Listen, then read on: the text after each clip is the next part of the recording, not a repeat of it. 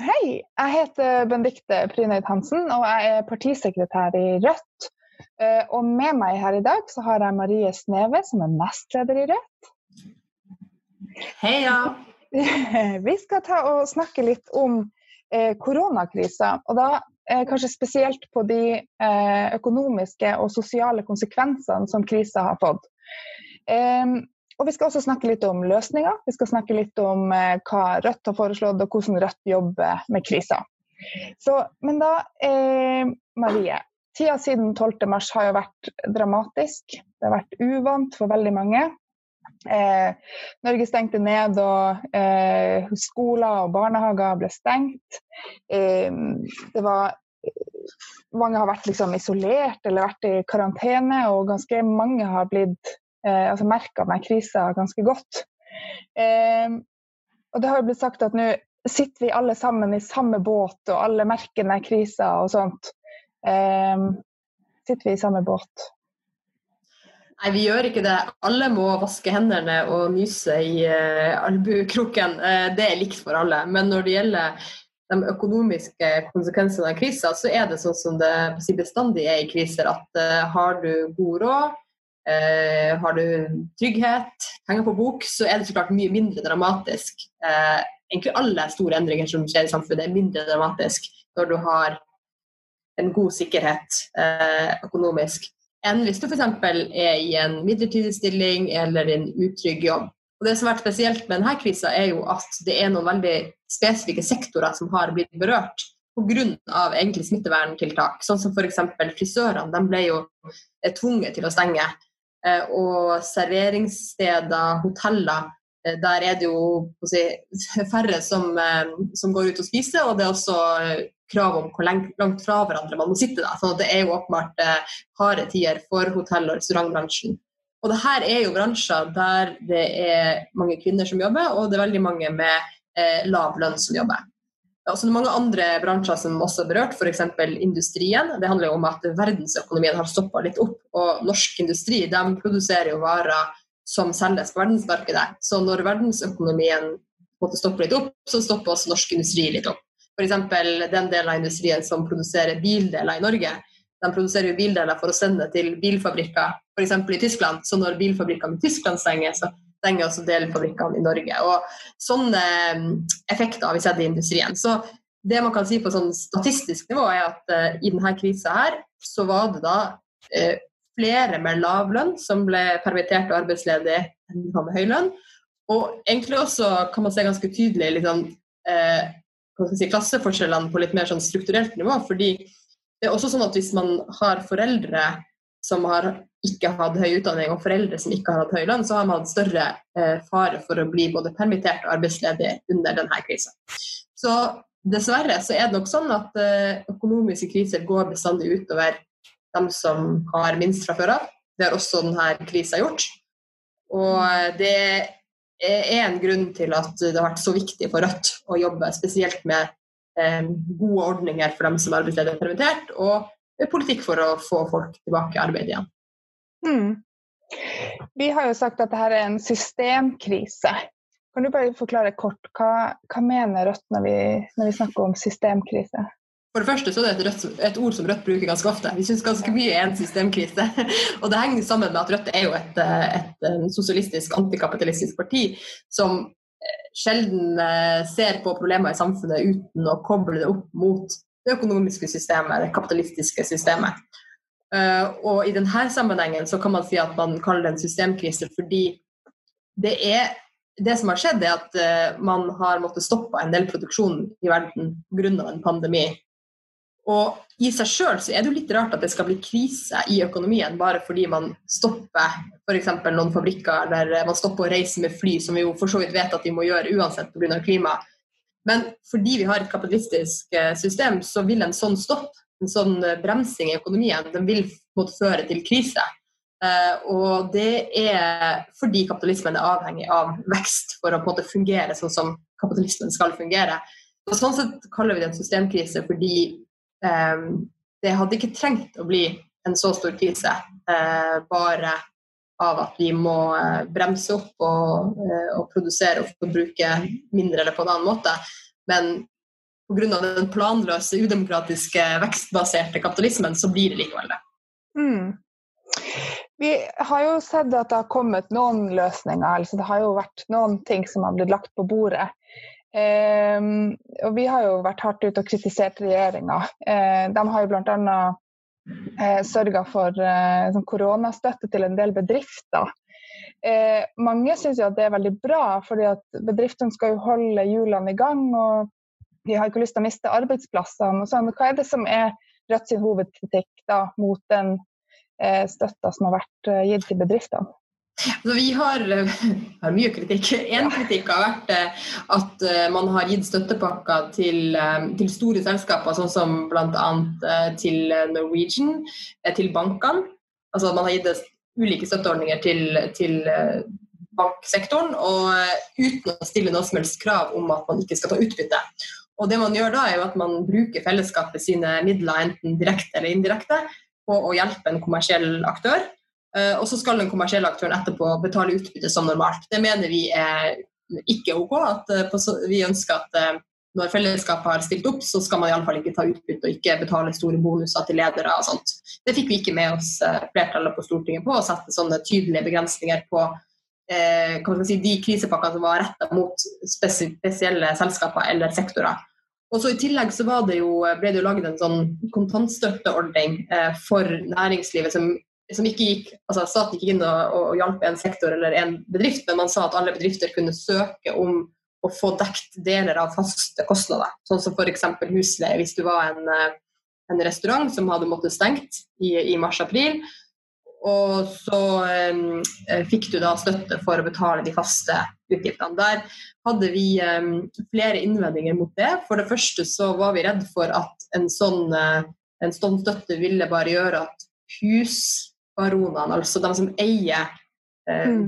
eier lokalene som restauranten befinner seg i, ville eh, på en måte skulke unna dugnaden. Fordi eh, når det er krise i økonomien og alle, både arbeidstakere går ned i lønn fordi man er permittert, og kanskje, kanskje eieren av, av restauranten eh, også får på en måte problemer, så skal liksom huseieren som leier ute til lokalet, skal fortsatt få husleia si.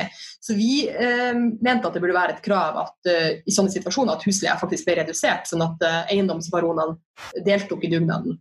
Det var uh, et krav som vi fikk med oss både fagbevegelse og for så vidt sånn utelivsaktører med på, men som ikke Naturlig nok, kanskje. Eiendomsbaronene, Olav Thon, Fryden den som eh, eies av Ivar Tollefsen. Andre av liksom, Norges rikeste folk eier jo mye eiendom. De var ikke enig i at de skulle delta eh, i dugnaden med å kutte husleie. Så det var et av de kravene som vi ikke fikk gjennomslag for. Og så kan vi si en annen sånn kritikk som egentlig litt Den handler jo litt om forskjellsbehandling, mener vi. fordi da, da regjeringa lagde denne kontantstøtteordninga, så var det for det første snakk om uker før de fikk opp en flott nettløsning som funka kjempebra, og som var kjempelett å bruke for bedriftene. Og bedriftene fikk penger uten at man hadde nødvendigvis liksom behandla søknad. Fordi vi kan si i ettertid at det var en tillitsbasert ordning. Eh, Nå har vi sett eh, i ettertid at det er en del bedrifter som har måttet betale tilbake pengene. Men det har de gjort liksom frivillig. De har liksom sagt ja, vi må betale tilbake. Det kommer kanskje blitt, eh, blitt gjenstand for ettersyn, men de har liksom ikke blitt eh, blitt anmeldt på en måte for å prøve å uh, fuske til seg penger som ikke var deres. Og Dette er jo en veldig sterk kontrast til den måten som arbeidsledige og permitterte, eh, for så vidt folk på AP, eh, trygd og andre som mottar overføringer uh, fra det offentlige, den måten de blir møtt med. For det første så var det en, en tilsvarende ordning som skulle være for å sikre permitterte lønnstilskudd. Den det gikk både mars, april, og mai, og juni, og juli og august. Og i september først så var de i rute med å gi alle de pengene som folk hadde krav på. Så det var på en måte, det tok mange måneder, mens bedriftene fikk sine penger veldig fort. Og I tillegg så vet vi jo fra tidligere at folk som går på Nav, det er ikke akkurat tillitsbaserte ordninger. Det er jo å legge fram dokumentasjon, bli etterprøvd. Hvis noe har gått galt, så blir du eh, kanskje anmeldt eller, eh, eller får eh, korreksjoner på ulike måter. mens det vi har sett i media om bedrifter, er at man sier at noen ganger så har det vært juks, noen ganger har det vært ærlige feil. Og Jeg har alltid lest de sakene om denne kontantstøtta til, til selskapene og tenkt at tenk hvis noen hadde snakka til Nav-klienter på samme måte, at det her var kanskje bare en ærlig feil, det var ikke juks. Jeg syns at hele den, hele den, runden der har vist en veldig grunnleggende holdningsforskjell når man skal overføre penger til liksom, folk som trenger det, og overføre penger til selskaper. Så er man ekstremt mye mer rausere og har mye større tillit. Mm. Det viser jo veldig tydelig hva slags interesser denne regjeringa jobber for. Altså hvem de jobber for, eh, og hvem ja, altså, de ikke jobber for. Jeg bruker å tenke på at uh, litt sånn som folk flest, så litt sånn når du, når du skal uh, ikke, kjøpe en ny sofa, så ringer du til mor di og hører hva hun syns. Eh, og sånn er det kanskje i politikken òg. Man har noen folk man lytter til, noen folk man hører på. Og der Rødt i mars-april tok telefonen rundt til fag, fagforeningene og bl.a. fant ut at det forslaget som lagt på bordet, gjorde at lærlingene ikke fikk eh, den samme støtten som andre. Så da forhandla vi inn et krav om at lærlinger skulle få det. Eh, vi var også i kontakt med frisørenes fagforening for å sikre at eh, frisører som på det selvstendig næringsdrivende, som en del frisører er, også fikk det de hadde krav på. Så da er det liksom vår mamma vi, ringer til når vi skal kjøpe sofa. Mens regjeringa har åpenbart eh, helt andre folk de ringer til når de skal kjøpe sofa, og da får de også helt andre råd, og politikken blir helt annerledes. De ringer til onkel Olav Thon og fetter Petter Stordalen og spør hva de trenger. Ja, ja, nei, men det, det viser, viser, veldig tydelig hvem man lytter til, da, eh, og hvem man ikke mm. lytter til. Nå nevnte du eh, to av de tingene som Rødt var med å forhandle fram på Stortinget. For vi var jo med i første runde, eller de tidlige forhandlingsrundene, og så ble vi kasta ut. Så ville de rød-grønne gå sammen med de borgerlige i lukka forhandlinger. Og, og Frp. Ja, eh, med Frp også. og Der fikk ikke vi være med. Eh, men når vi var med, da fikk vi gjennomslag for at lærlinger skulle inkluderes. Og så var det noen flere ting også. Ja, nå er det sånn når man forhandler, så er det jo for så vidt eh, mange som ofte pusher på for de samme tingene. Men det vi kan si at vi prioriterte vår eh, forhandlingsmakt til å få gjennom, var inkludere lærlinger. Sørge for at selvstendig næringsdrivende, sånn som frisører, fikk gode vilkår. Og ikke minst det vi kan kalle et lavtlønnstillegg i dagpengene. Fordi når man blir permittert eller arbeidsledig, så får man dagpenger. Og til vanlig så er det sånn at det er litt over 60% av lønna di, uansett hvor høy lønn du har. Det betyr jo at litt over 60% av type 350 000 er jo veldig mye mindre enn hvis du tjener 700 000. Så det vi eh, fikk gjennomslag i samarbeid med, med andre som, eh, som også kjempa for det kravet, var at eh, man skulle få 80 eh, av inntekta si opp til 300 000. Og Det betyr at hvis du, tjener, hvis du hadde tjent 300 000, så fikk du på en måte 80% av 300 000. Eh, hadde du tjent 400 000, så fikk du på en måte 80% av de første 300 000, og så litt over 60% av resten. Det er litt eh, matematisk å tenke seg i hodet, men det det betyr, er at eh, folk som har lav inntekt, fikk eh, forholdsmessig mer i dagpenger. Og det her er et prinsipp som mange eller et prinsipp som er viktig i mye politikk. Altså at uh, det skal ikke være helt likt om du har lav lønn eller høy lønn. De som har lav lønn, trenger kanskje mer uh, enn de som har høy lønn. Så uh, det her er et prinsipp som jeg tenker at egentlig burde gjelde utenfor koronakrisa òg. Det som vi ikke fikk gjennomslag for, og som er veldig kjipt, er at det her gjaldt bare dem som ble arbeidsledige pga. korona. Så alle de 100 000 som var arbeidsledige fra før av, som var det i februar eh, før 12. mars, de ble ikke omfatta av den eh, endringa. Det har vi prøvd å pushe på i flere runder etterpå, og jeg syns det er ganske drøyt. fordi det betyr at du sier til de 100 000 som var arbeidsledige at eh, dere kan fortsette, fortsette på den, den altfor lave dagpengene eh, når det er åpenbart ikke noe lettere å være arbeidsledig bare fordi du har vært lenge. Og ikke minst så vil det jo kanskje være sånn at de som var arbeidsledige fra før av, faktisk stiller litt bakerst i køen eh, fordi de har vært arbeidsledige lenge. Så det er en ganske fæl urettferdighet i det systemet. Og så minst, ikke minst så mener regjeringa nå at økonomien går såpass bra at de har tenkt å avvikle denne eh, lavtlønnstillegget, som jeg kalte det. Um, mm. Som er overhodet ikke sant. Det er over 200 000 som fortsatt er arbeidsledige og permitterte, og som trenger den ekstra eh, utbetalinga. Ja, for det var det jeg skulle si. For den køen av arbeidsledige den er jo blitt ganske lang. Altså, eh, vi har jo ikke sett så lange arbeidsledighetskøer siden 30-tallet i Norge. Nei, nå er det faktisk over 400 eh, 000 som har vært eh, permittert eller arbeidsledige eh, de siste månedene. altså vært innom den, den, situasjonen. Og akkurat nå er det over 200 000 som fortsatt står uten arbeid. Det har vært mange, enda flere både før sommeren, fordi da var det enda mange flere bedrifter som var stengt eh, av direkte smittevernshensyn. Men nå er det altså 200 000. Før koronakrisa var det 100, så det er dobbelt så mange. Mm. Men eh, så fikk vi ikke være med i de forhandlingene. Men eh, det betyr jo ikke at vi ga opp. Hva vi gjorde da i stedet? Da laga vi Nei, da ja. Da tenkte jeg at da har man litt sånn to når de andre sier at uh, nå får ikke dere være med. Da var liksom to muligheter. Det ene å sette seg ned og være litt uh, fornærma og sur, og det andre er jo å prøve å gjøre noe på egen hånd. Uh, litt sånn når du ikke får leke med de andre, så får du finne på noe morsomt sjøl. Og da lagde vi det vi har kalt et, et kriseprogram for Norge. Det ser sånn ut når det er trykt opp, men det finnes også digitalt på internett. Og det var jo da vårt Vi satte oss ned, liksom, ringte til de samme si, eh, mødrene om den samme sofaen eh, for å finne ut hva, hvordan politikk trenger faktisk Norge nå. Og da det det viktig å si at det var det ikke bare fagbevegelse, det er politikk for en mer eh, rettferdig vei ut av krisa, men det er også politikk for en mer miljøvennlig og kortreist vei ut av krisa. Vi lagde det her litt sånn mens de andre partiene satt i, i forhandlinger, for å vise at Eh, det er ikke sikkert at det er liksom, i rom med de borgerlige og Frp at vi finner de gode løsningene. Eh, og jeg vil jo påstå at vårt forslag er, er det røde, radikale politikken vi trenger for å finne en vei ut av krisa. Og det som skjedde rett før sommeren, var jo at eh, måte, enigheten blant de andre sprakk. Så eh, Arbeiderpartiet, SV, Senterpartiet og MDG eh, slutta jo å forhandle med de borgerlige en eller annen gang i, i juni, og er jo nå også litt sånn si, på leit etter en, en, egen politikk. Eh, og der står altså Rødt klart med, med, våre forslag, som vi mer enn gjerne lar andre partier inspirere seg mm.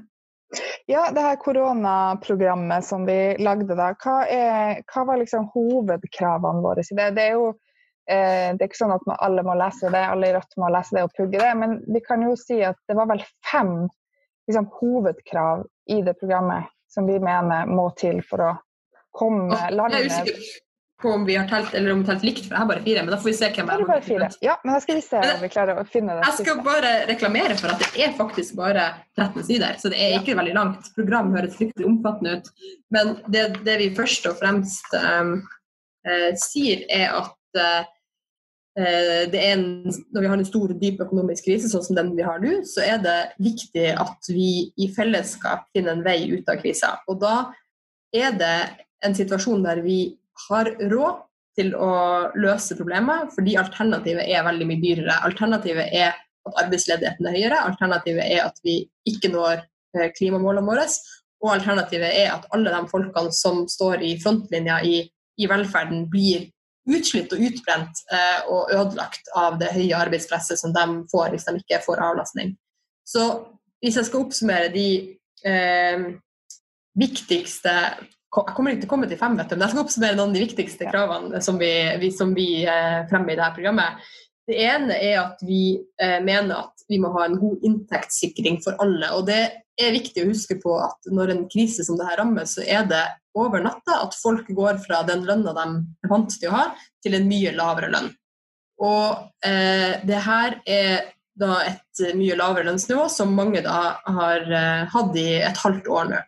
Vi mener at det er viktig at vi beholder det her lavtlønnstillegget, som jeg snakka om i sted, og vi mener det er viktig at eh, det her tillegget også gjelder dem som var arbeidsledige før krisa. Uh, og uh, det er på en måte den kanskje første og viktigste oppgaven i en sånn situasjon, er å sikre at alle har en inntekt å leve av. Uh, hvis man ikke har det, så er det si, både åpenbart veldig kjipt for dem, dem, som har lav inntekt, men det er heller ikke noe bra for økonomien, fordi da skal si, er det heller ingen som kan som kan eh, si, holde hjulene i gang. Og ikke det at Rødt er et mm. parti som sier at det er noe mål å holde forbruksveksten i gang, men det er et argument at, eh, at, eh, at folk går på for lav inntekt er et problem for måte, samfunnet som helhet.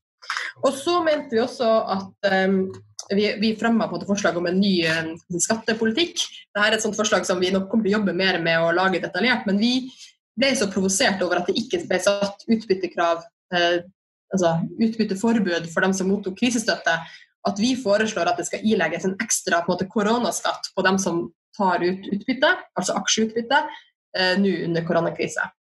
Eh, og det er syns vi er rett og rimelig hvis man har liksom, tjent seg rik på, eh, på en krise som, eh, som den her.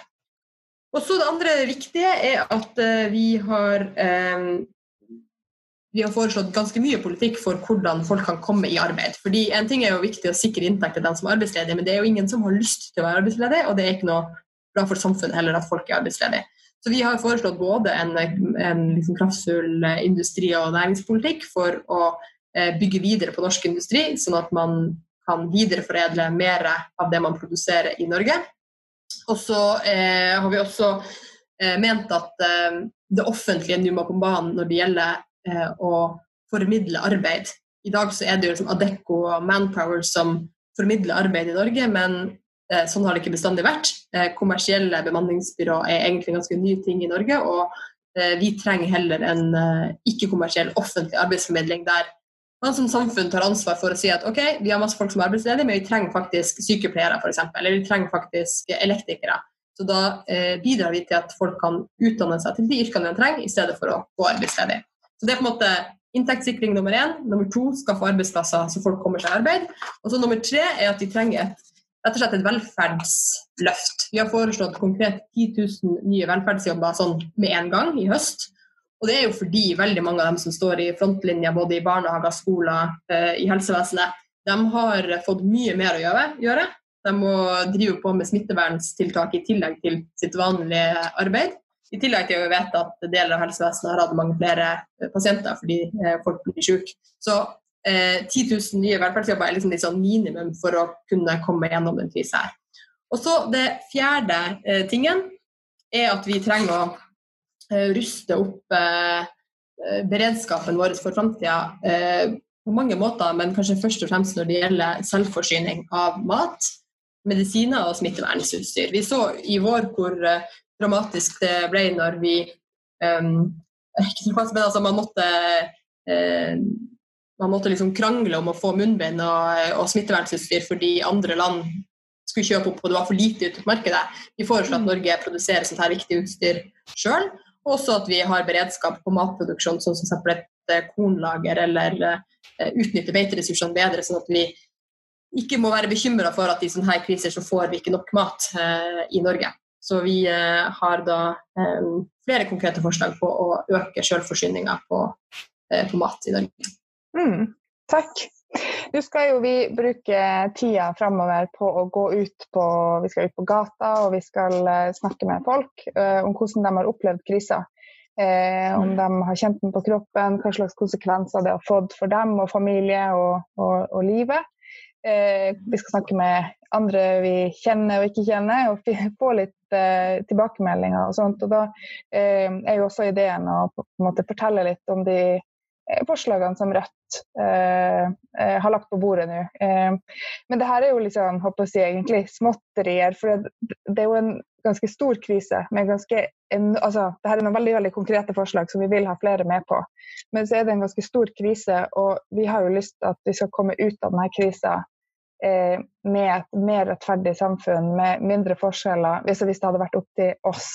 Hva er liksom, Siste spørsmål nå. Hva er liksom drømmen din? Hva er liksom det beste resultatet på andre sida av denne eh, potensielt langvarige økonomiske krisa? Altså, jeg tror at det er en del bra ting som skjedde i vår som man må ta med seg. Det ene er jo at eh, mange, mange, ble for første gang oppmerksom på hvilke jobber som virkelig har stor verdi for samfunnet. Eh, at de som jobber i dagligvaren faktisk gjør en ekstremt viktig jobb for at samfunnet vårt skal gå rundt. At de som eh, gjør rent er helt avgjørende. Eh, at mange i helsesektoren, i skole og barnehager gjør en jobb som eh, ikke kanskje får den verdsettelsen den fortjener. Og det tror jeg, eller jeg, håper at folk kan ha med seg den tanken videre. Nå vet jeg at det allerede er eh, krefter på høyresida og blant arbeidsgiverne som mener at, at, det er langt ifra behov for noe lønnsløft. Men jeg håper at det store flertallet har sett verdien av eh, av en del arbeid som kanskje ikke eh, har vært verdsatt høyt nok tidligere. Og Det andre tingen som jeg tror vi skal ta med oss, er at uh, vi er ganske bra på å endre eh, endre ting i samfunnet vårt på kort tid. Altså, plutselig så har det blitt helt normalt, eh, i hvert fall eh, på kollektivtransporten i Oslo, at folk går med munnbind. Det har blitt helt eh, normalt for mange å ha hjemmekontor. Eh, det har blitt helt normalt for mange å tenke en eller to og tre ganger ekstra på om man faktisk skal dra til utlandet eller om man faktisk skal ta en flyreise. Og alt det her er jo ikke bra ting. Jeg sier jo ikke at det er noe at vi er liksom drømmeverdenen, at alle skal gå ut med noe munnbind, eller at man ikke skal kunne reise og besøke bestemora si. Men poenget er at man har faktisk gjort endringer som er store endringer i livet sitt. Eh, og man har gjort det fordi man er i en situasjon der fellesskapet krever at man tar eh, At alle bidrar, fordi smitten sprer seg. Eh, er liksom den svake, weakest link på en måte når det kommer til smittespredning. Og den, den, effekten tror jeg vi skal ta med oss spesielt inn i miljøkampen. Altså at folk er villige til å gjøre endringer, til å tenke, om, tenke seg om på hvordan man gjør ting, hvis det er eh, en rettferdig dugnadskamp som er på gang. Jeg tror at I de første ukene av da Norge var i liksom, lockdown, så var det veldig stor liksom, dugnadsvilje på å eh, passe på eh, alt sånt. Eh, og den skal vi ta med oss, men skal vi også ta med oss noe veldig viktig, som er at hvis man føler at ikke alle bidrar, da rakner den dugnadsviljen på flekken. Altså Hvis man føler at eh, de rike uansett bare tar eh, flyet sitt til Mauritius og drar på ferie, så hvorfor skal alle andre la være å reise på ferie? Hvis man føler at uh, andre folk har uh, crazy rave parties, fest og smer masse splitt overalt, hvorfor skal jeg dra ut og kanskje være litt nærmere folk enn jeg burde? Og det er liksom noe ekstremt viktig med dugnad, er at det funker bare hvis det er rettferdig og hvis alle bidrar. Mm. Og det tror jeg vi må ta med oss inn i miljøkampen. At um, eh, en dugnad der alle er med, og der byrdene er rettferdig fordelt, det er folk mer enn villige til å være med på. Men med en gang eh, noen slipper unna, eller noen eh, gjør seg rik på bekostning av andre, så er ikke det uh, da, da, brister dugnaden sånn, og så blir det liksom uh, dårlig smittevern på alle fronter. Ja. ja, takk. Ja, men da skal i hvert fall vi gjøre vårt for å eh, inspirere og håpe at folk har lyst til å være med på dugnaden videre. Vi skal være med på dugnaden. Eh, og jeg gleder meg til å høre hva, vi, liksom, hva folk mener om krisa, og hvordan så få noen flere innspill til partiet fra folk der ute. Takk skal du ha, Marie. Eh, Tusen takk. Ha det bra.